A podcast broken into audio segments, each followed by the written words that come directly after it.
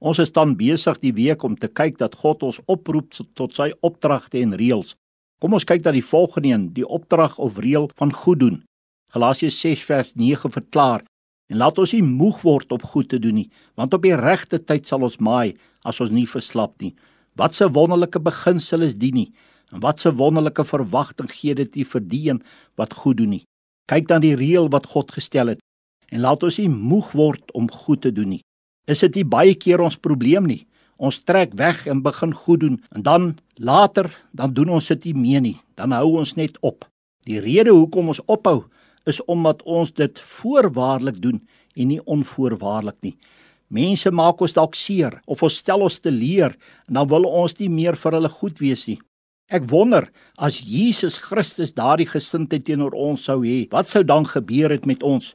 Maar hy het nie. Hy sê hy laat die son skyn op die goeies en die slegtes. Paulus gebruik die woord moenie moeg word nie. Moenie jou spoed verminder nie. Hoekom moet ek goed doen? Nommer 1 uit dankbaarheid oor wat Jesus vir my gedoen het.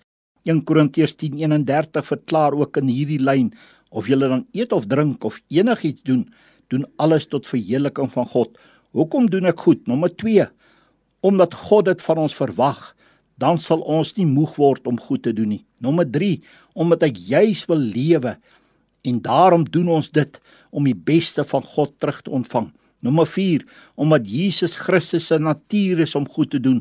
Daarom as ek getuig ek is 'n wedergebore kind van die Here, dan is sy natuur in my en daarom wil ek dan goed doen. Ons lewe in hierdie stikkende, goddelose wêreld. Ons moet juis dit doen, naamlik goed doen want as ons dit nie doen nie, dan doen ons eintlik die verkeerde. Kom ons wees soos Christus, hy het goed gedoen. Ek is so bly dat God raak nooit moeg om vir my goed te doen nie. Nee, hy hou aan en aan en baie kere verdien ek dit nie, maar hy raak nie moeg om dit vir my te doen nie. Ja, ook vir jou. Hy hou aan om vir jou goed te doen. Al dink jy nie so nie. Gaan tel maar net jou seëninge een vir een. Hierdie reël of opdrag het 'n wonderlike belofte as ons daarin bly. En dit is die laaste deel van vers 9, want op die regte tyd sal ons maai as ons nie verslap nie. Daarom mag ons nie moeg word nie. Mag ons nie verslap nie, want ons gaan van die bron van God af maai. Kom ons bly by die reël, die opdrag en wees dan gereed om God se seën te ontvang. Kom ons bid saam.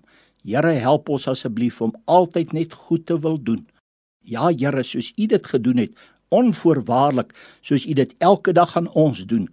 Gee ons U hart. Ons bid dit in die naam van Jesus. Amen.